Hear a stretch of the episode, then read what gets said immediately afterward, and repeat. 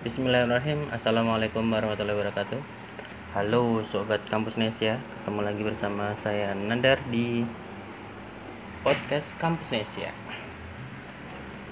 Kita masih dalam series kelas menulis, menulis ala Kampus Nesia Dan sebenarnya ini agak ketuker ya. Harusnya video yang tentang menulis dengan citasi Itu adalah seri ketiga Dan yang kedua adalah harusnya menulis untuk pembaca milenial dan Gen Z. Jadi kita akan membahas di kesempatan kali ini sebenarnya uh, tulisan seperti apa yang disukai oleh generasi Gen Z dan milenial. Karena uh, kita tahu hari ini mayoritas uh, demografi kita itu kita sedang uh, mendapatkan bonus demografi berupa uh, generasi yang sedang produktif yaitu Gen Z dan milenial. Kalau milenial itu mungkin usianya sekarang 24 sampai berapa? 30 atau 35 ya kalau nggak salah ya. Kalau Gen Z berarti mungkin di bawah 25 antara berapa berarti? 15 sampai 24. Kalau kalau saya keliru mohon dikoreksi di kolom komentar. Inti, intinya generasi muda lah ya dan uh, generasi ini tuh bisa dibilang native teknologi jadi maksudnya uh, sejak mereka lahir itu udah kenal handphone kemudian mereka tumbuh bersama dengan uh, eh, HP yang sudah terkoneksi dengan internet mereka sangat familiar dengan sosial media, YouTube dan lain sebagainya. Berbeda sedikit dengan mungkin generasi saya yang lahir di tahun uh, akhir 80-an sampai 90-an di mana Iya masa kecil kita itu uh, terutama untuk yang di desa itu uh, teknologi itu ya ya masih masih masih dalam perkembangan gitu. Seingat saya itu uh, listrik masuk di desa saya itu aja baru tahun 90-an. Kemudian TV tahun 95-an aja itu masih beberapa yang punya uh, yang terkoneksi dengan UHF jadi kalau nonton tuh masih bareng-bareng di rumah tetangga. Kemudian handphone itu ya baru kenal mungkin SMP ya uh, eranya HP Nokia yang 3310 uh, monoponik poliponik poliponik. Uh, kemudian SMA dan itu pun belum belum mampu untuk membeli karena ya kita lagi di pinggir jalan jadi ada suara motor lewat motor mahal kayaknya. Uh,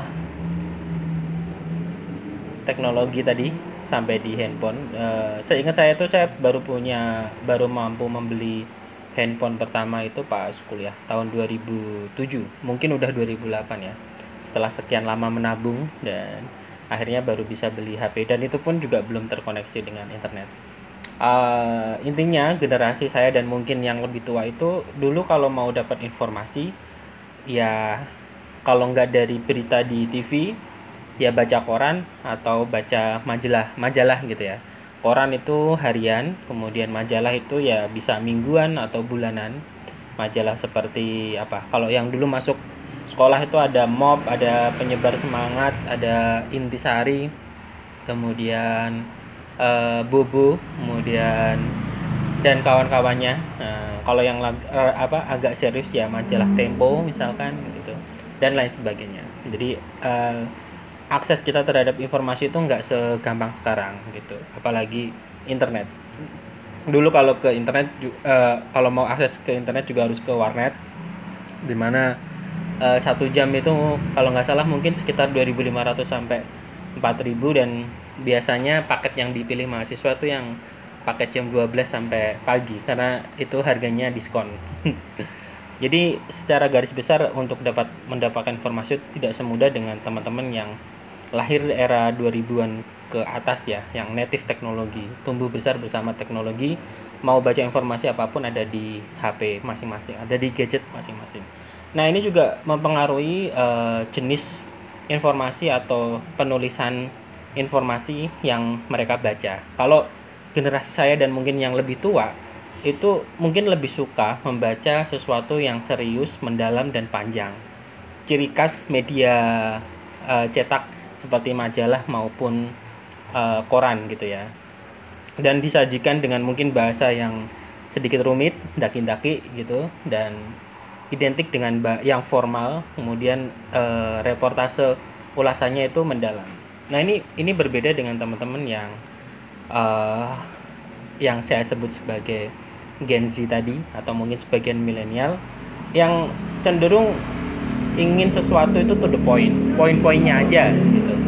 Jadi males untuk membaca sesuatu yang mem, uh, berputar-putar atau uh, daki-daki gitu ya. Jadi pengennya ya poin-poinnya aja disajikan dengan sederhana ringkas bahkan gaya bahasanya pun uh, cenderung lebih suka dengan bahasa yang yang yang nggak formal atau semi formal termasuk ini akan mempengaruhi industri medianya uh, makanya sekarang itu kan laris banget ya. Media-media yang sifatnya uh, lebih santai lebih casual lebih rangkuman-rangkumannya gitu ya. Uh, bahkan sekarang muncul istilah baru namanya homeless media. Media yang bahkan nggak punya base uh, seperti media cetak atau serius kompas dan lain-lain gitu ya. Jadi mereka berbasiskan sosial media aja. Bahkan mungkin nggak perlu nyari berita sendiri cukup membuat headline dari portal berita lain diganti aja judulnya bahasa Inggris dan penjelasannya kutip sana sini itu udah bisa jadi media. Itu yang disebut dengan homeless media. Dan karena kecenderungan uh, generasi yang ingin mendapatkan informasi secara instan seperti ini bahkan media-media besar pun akhirnya melakukan hal yang yang serupa. Mungkin uh, teman-teman familiar dengan AJ Plus dari Al Jazeera kemudian uh, bahkan sekelas media-media besar di barat pun mereka membuat rangkuman berita mereka yang panjang lebar itu hanya dalam 20 detik sampai maksimal satu menit gitu. Nanti poin-poinnya aja yang disampaikan. Dan itu pasti disukai gitu ya. Dudu itu kayak yang tema-tema uh, apa namanya binatang gitu gitu dan lain sebagainya uh, mesable dan lain-lain. Jadi tips kalau buat teman-teman yang mau nulis uh, entah itu artikel atau atau ngeblog untuk website dan blog blog blogging yang ingin mendapatkan pembaca dari kalangan Gen Z dan milenial bisa menggunakan kisi-kisi uh, yang saya berikan tadi. Gaya kepenulisannya, diksi dan kata-kata yang digunakan, uh, cara penyajiannya on point, point-point, uh, kemudian cenderung lebih santai gaul gitu. Dan kalau mau uh, referensi beberapa media yang yang berhasil menurut saya mengambil ceruk pembaca pembaca Gen Z dan gaya media yang lebih casual ini misalkan uh, dulu juga ini salah satu yang jadi bukan salah satu ya salah sekian banyak lah maksudnya. Uh, media yang akan saya sebutkan ini adalah inspirasi dari uh, ketika kita ingin mencari apa istilahnya? Mencari benchmarking atau panutan untuk ditiru untuk kampus Nesia yang pertama yang paling saya suka dulu tuh uh, kaskus ya. Kaskus itu bagaimana kita membuat treat itu kan ya itu artikel dengan gaya anak kaskus gitu ya. Tapi tetap pasti di, dicantumkan sumbernya sumur kan ya biasanya gitu ya. Uh, kemudian uh, nanti ada malesbanget.com m, m males banget mbdc ya ya. Itu punya Christian Sugiono kalau nggak salah ya itu itu pelopor. Kemudian berikutnya ada mojo.co jelas. Wah, itu ini sebenarnya mendalam sih karena isinya itu orang-orang yang memang uh, benar-benar penulis base-nya, basicnya ya. Tulisannya sebenarnya serius tapi cara penyajiannya sangat menarik karena disampaikan dengan mojok banget. Dan dan jujur uh, mungkin udah ada lima kali saya ngirim tulisan ke mojok dan satu pun nggak ada yang lolos entah itu di uh, rubrik ISEA maupun yang bahkan yang terminal pun belum ada yang lolos jadi standar mereka tinggi ya uh, masih perlu bela banyak belajar lagi untuk bisa lolos di di mojo.co. Uh, eh, berikutnya ada Hypeway. Hype Hypeway apa Hypeway ya? Ya itulah ya. Brilio itu juga bagus. Kemudian yang mungkin uh, sekarang lagi bener-bener di puncak itu adalah uh, ID and time ya ID and time. Jadi bagaimana mereka menyajikan dan mereka juga memang secara terbuka menyasar uh, teman-teman dari pembaca generasi Z dan milenial.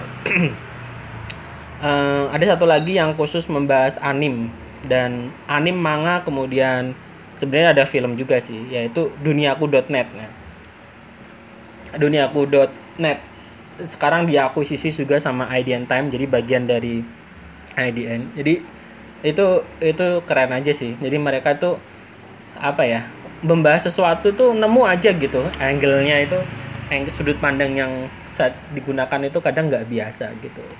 Ya aneh-aneh lah. Dan itu cukup cukup apa namanya menginspirasi beberapa tulisan saya misalkan. Sama-sama e, menonton anim mungkin uh, ya mungkin kita hanya menikmati ininya ya alurnya aja gitu ya.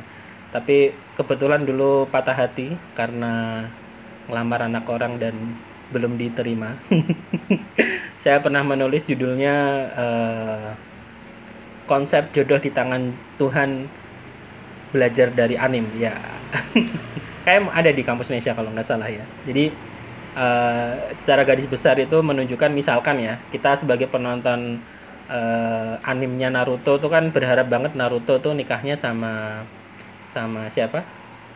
Aduh lupa lagi. Sakura ya, Sakura ya. Tapi ternyata dia jodohnya sama Hinata. Uh, Goku, Son Goku di Dragon Ball itu kan kita kalau nonton tuh pengennya tuh nikahnya sama Bulma gitu. Tapi ternyata sama Cici. kemudian siapa lagi ya? Uh, justru Bulmanya sama Bezita gitu. Dan lain sebagainya. Atau mungkin uh, ini apa uh, uh, tentang drama Korea. Jadi saya pernah nulis tuh uh, cara bertemu uh, apa beberapa alternatif cara ketemu jodoh ala ala drama Korea. Jadi bisa aja itu teman kecil, bisa aja itu bos yang galak gitu ya. Bisa aja itu apa? dosen mungkin atau atau yang lain. Jadi macam-macam gitu. Itu sudut pandang sudut pandang yang begitu tuh yang yang yang menurut saya uh, menarik dan jadi ini, jadi jadi inspirasi gitu. Dan gaya penulisannya juga juga uh, itu tadi uh, lebih kekinian lah gitu. Lebih santai jadi nggak nggak mulut-mulut tapi bukan berarti tulisan yang panjang dan mendalam itu juga nggak nggak nggak disukai gitu ya. Untuk tema-tema yang memang serius ya harus disajikan dengan serius juga gitu. Nah ini kalau dalam konteks media online uh, beberapa yang menarik uh, dan menjadi referensi menurut saya kita bisa banyak belajar dari tirto.id jadi tirto.id itu yang bikin kan dulu mantan uh, timnya di detik ya. Detik kemudian uh, Merdeka.com ya kalau nggak salah. Baru kemudian beliau uh, membuat Tirto. Dan konsepnya itu kalau media online